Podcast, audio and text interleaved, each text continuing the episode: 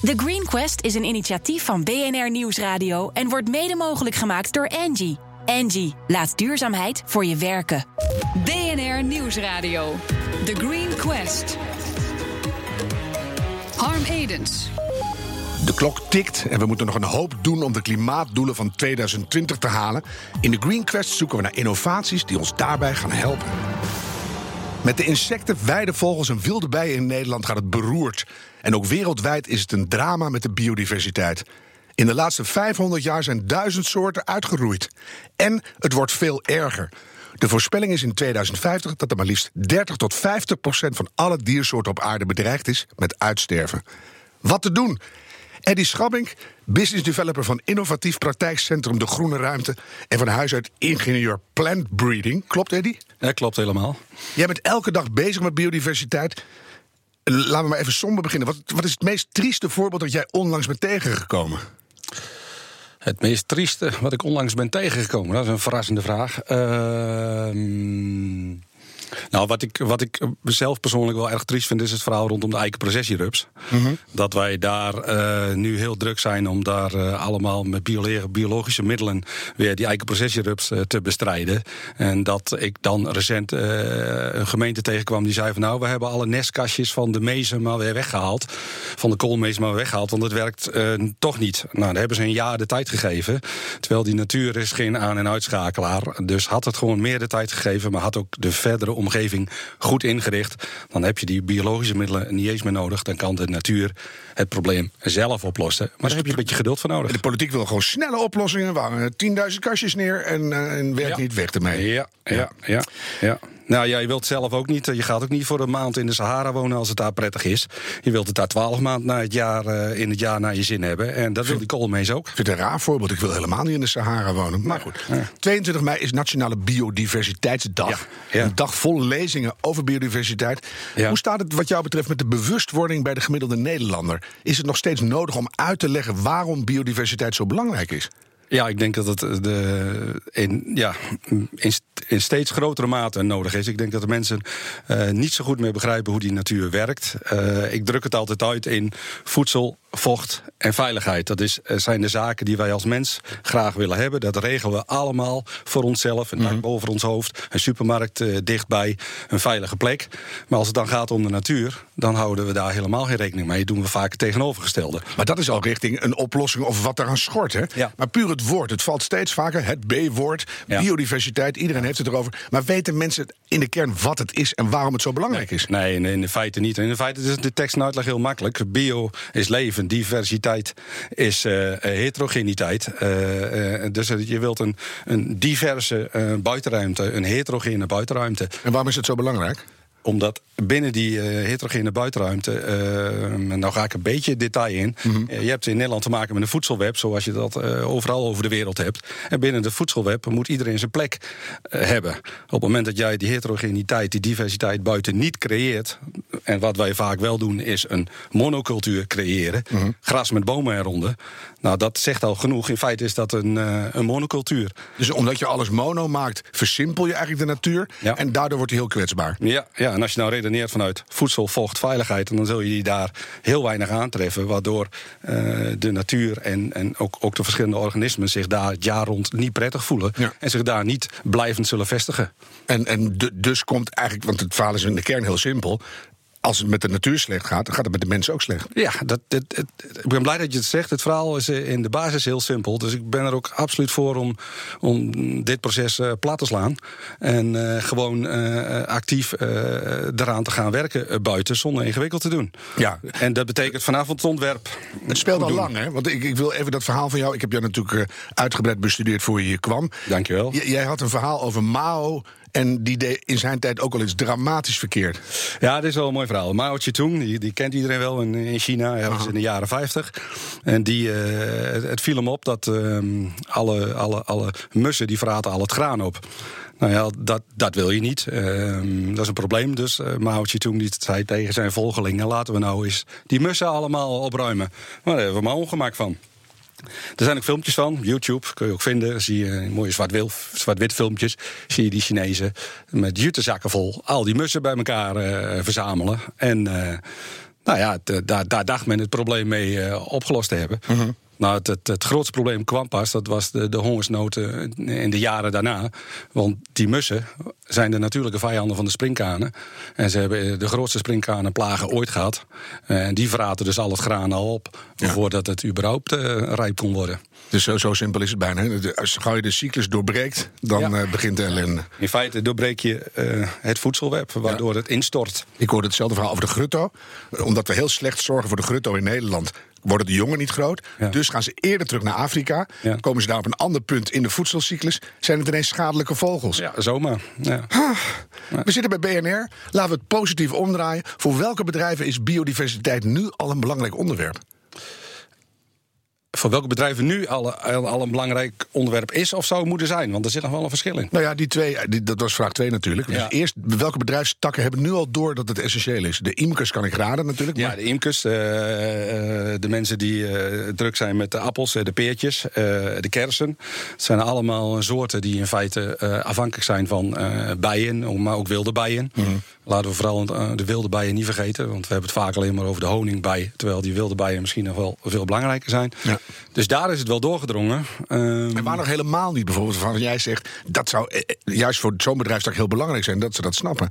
Ja, ik heb de indruk dat de, de akkerbouw en, en, en de tuinbouw en de landbouw eh, zich dat nog wel iets meer zou mogen realiseren. Om ook een oplossing te vinden. eh, omdat heel veel in- insecticides en bestrijdingsmiddelen ondertussen verboden worden. En zal er een soort van nieuwe evenwicht moeten komen. En die, dat evenwicht zul je dus moeten gaan inrichten. Ja. Maar nou denken we altijd bij, als het gaat over biodiversiteit... en de afname daarvan, dan zien we beelden van de ontbossing in het Amazonewoud. Daar zit het probleem, en op Borneo en in de Congo. Maar hoe erg is het in Nederland eigenlijk? De afname van eh, met betrekking tot biodiversiteit is in Nederland eh, op wereldschaal misschien nog wel groter dan in heel veel andere landen. Kijk maar rondom je heen. Ja. Dus zo, zo simpel is het eigenlijk. Eh, ga maar een rondje door Nederland maken en dan zie je toch overal een enorme, op, op een hele grote schaal monocultuur. De vlinders min 70 procent, de andere Ja. min 80 procent. Heel erg veel teruggang, hè? Er is, eh, er is behoorlijk veel teruggang. Ja. Is al te laat bijna? Nee, nee, nee, nee dat, eh, ik wil absoluut geen doemdenker zijn. Het is niet te laat. Maar laten we alsjeblieft eraan gaan werken om het te herstellen. Daarvoor geef jij cursussen aan allerlei beleidsmakers, maar ook aan tuinmannen en boswachters. En dat kan jou niet gek genoeg. Kan je zo'n mini-mini cursusje even afmaken? Want je begon net met voedselvochtveiligheid. Ja. Wat moeten we daarmee? Ja, dat is wel heel aardig. Ehm, we geven inderdaad van dat soort bewustwordingstrainingen. Waarbij ik eh, de mensen eh, in een plaatje vraag. En dan laat ik ze een plaatje van een groene kikker zien. Ik zeg, jongens, wat, wat wil nou die groene kikker? Nou, de eerste reactie is dan vaak van, joh, eh, ik ben hier voor een training biodiversiteit. Gaat het nou over die groene kikker?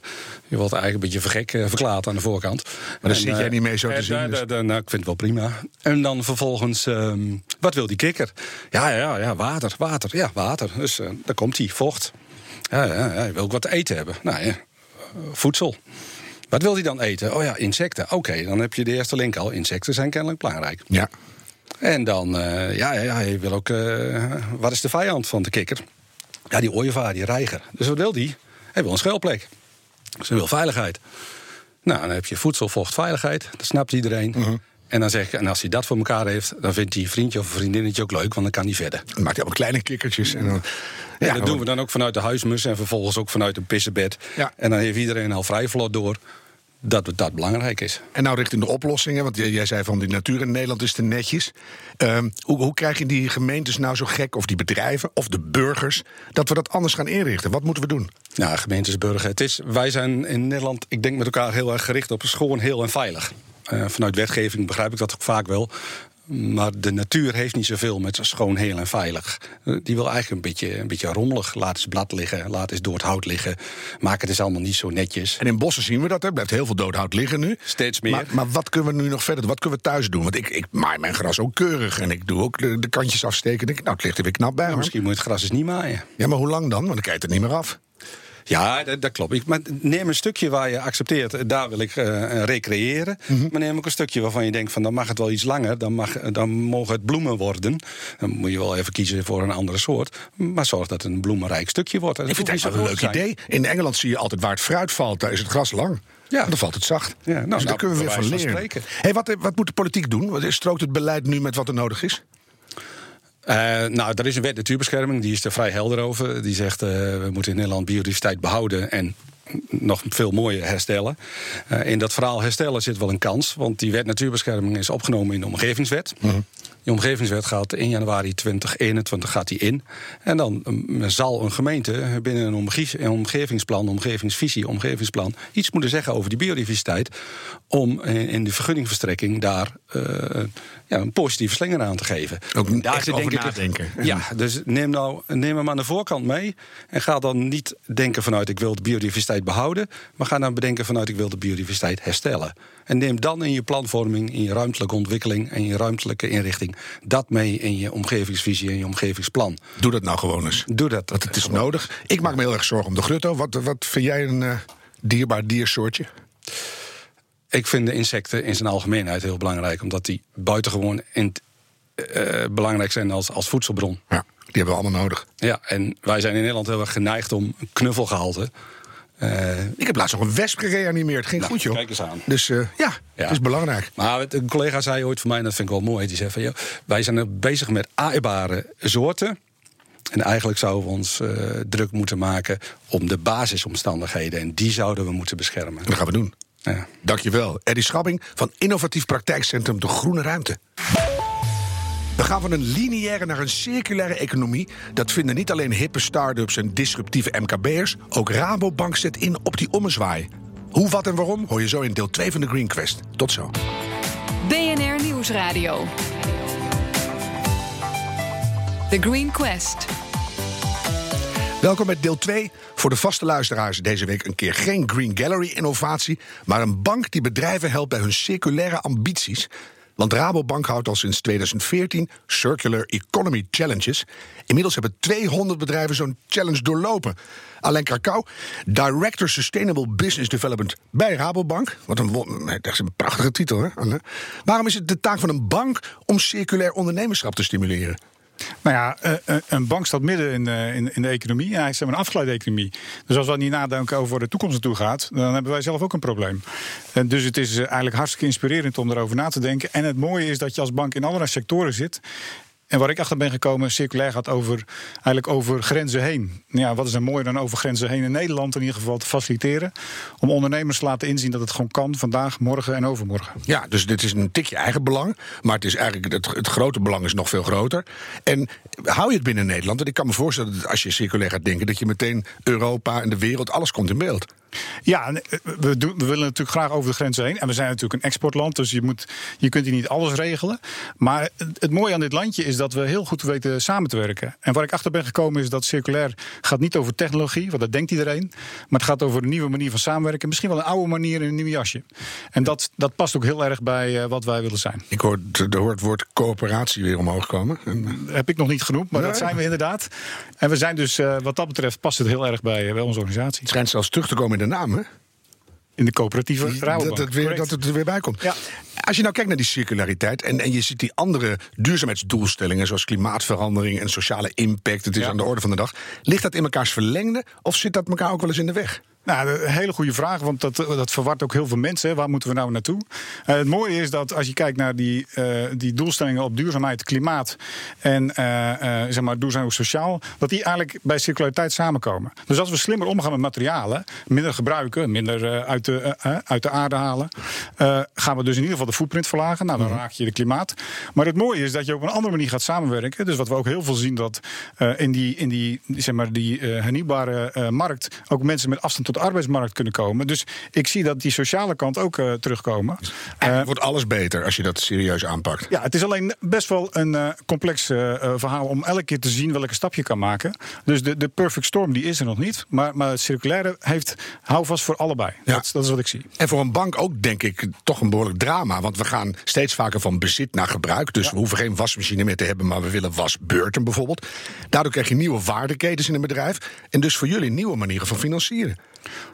nieuwe manier van transacties, uh, zou ik zeggen. Wat, wat heb je geleerd in die vier jaar challenge, vijf jaar al bijna? Nou, goede vraag. En, en dat was ook de reden waar, trouwens waarom we begonnen. We wilden vooral ook leren. We willen ondernemers helpen en zelf leren wat betekent dat nou.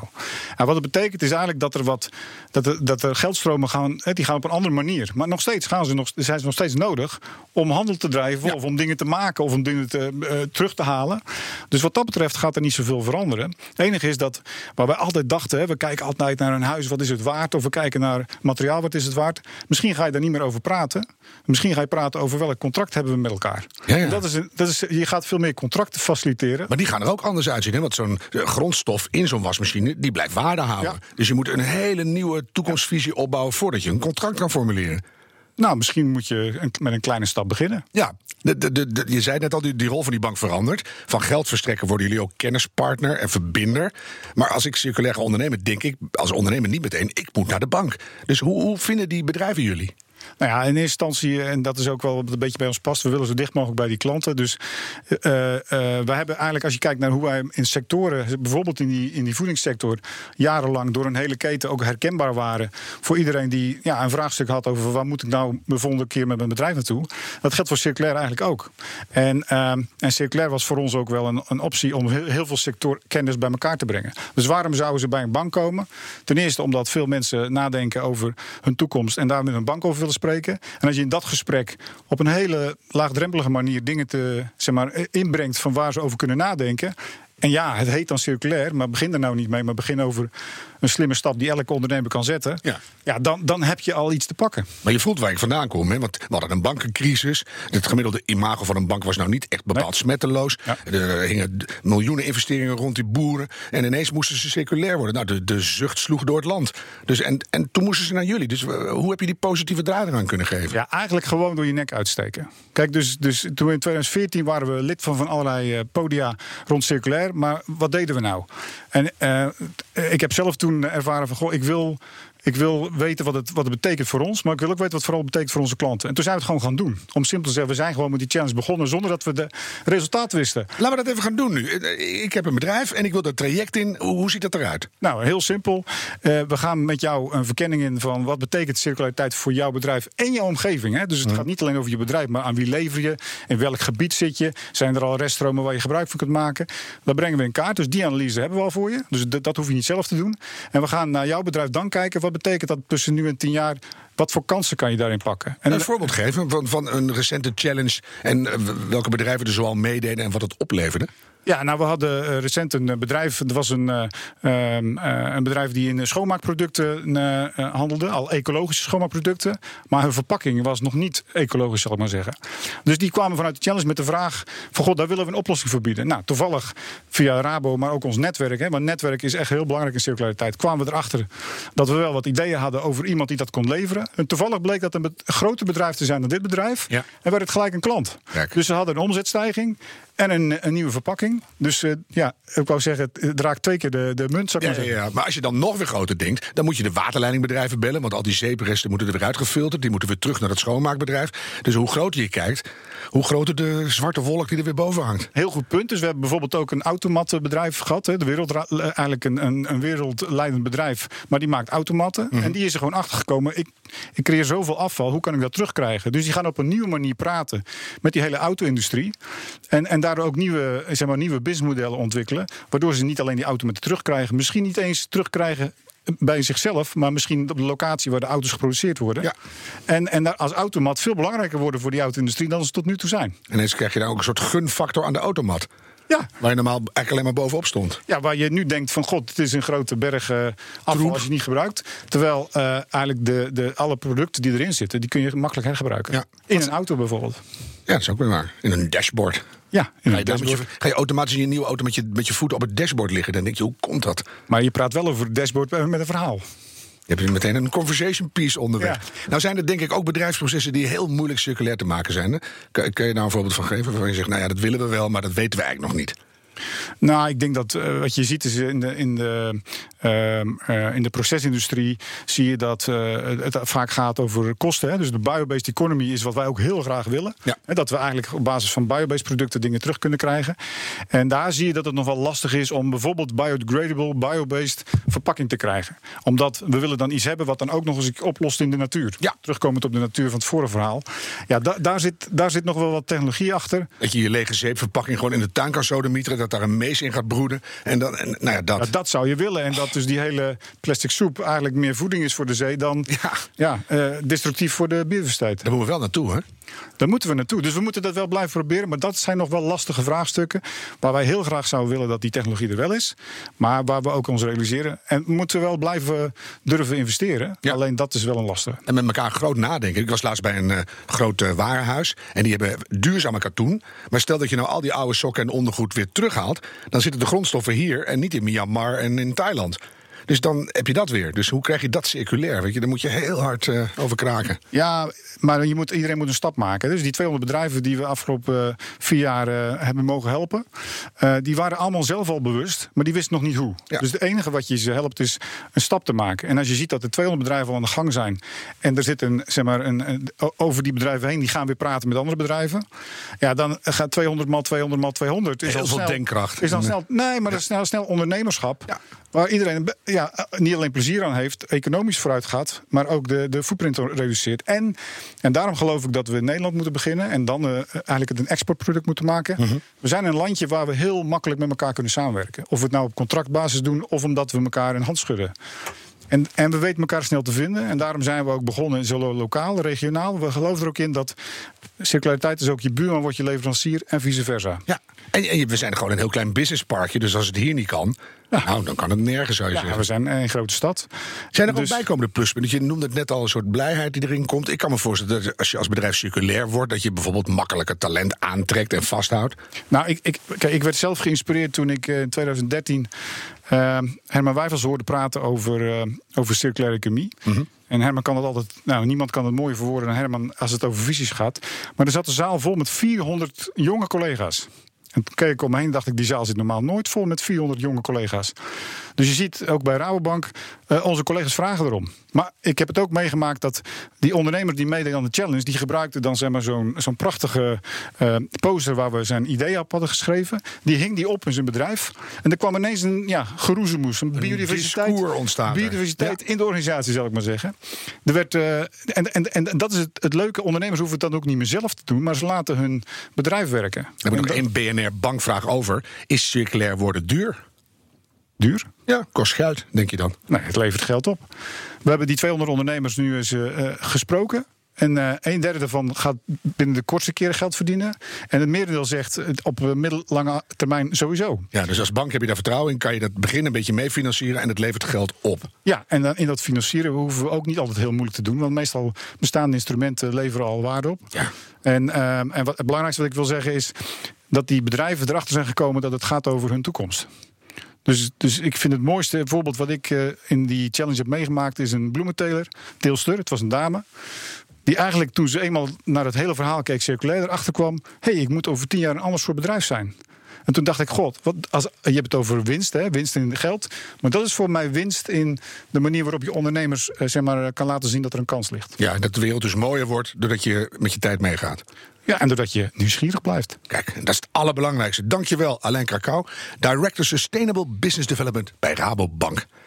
Wil je onze zoektocht naar de meest duurzame innovaties op de voet volgen? En dat willen we allemaal natuurlijk. Luister dan elke week naar de Green Quest en bekijk de Green Gallery op ons platform thegreenquest.nl. De uitzendingen zijn ook terug te luisteren via de BNR-app en bnr.nl of als podcast in iTunes en Spotify. En hey, doe het duurzaam. The Green Quest is een initiatief van BNR Nieuwsradio en wordt mede mogelijk gemaakt door Angie. Angie, laat duurzaamheid voor je werken.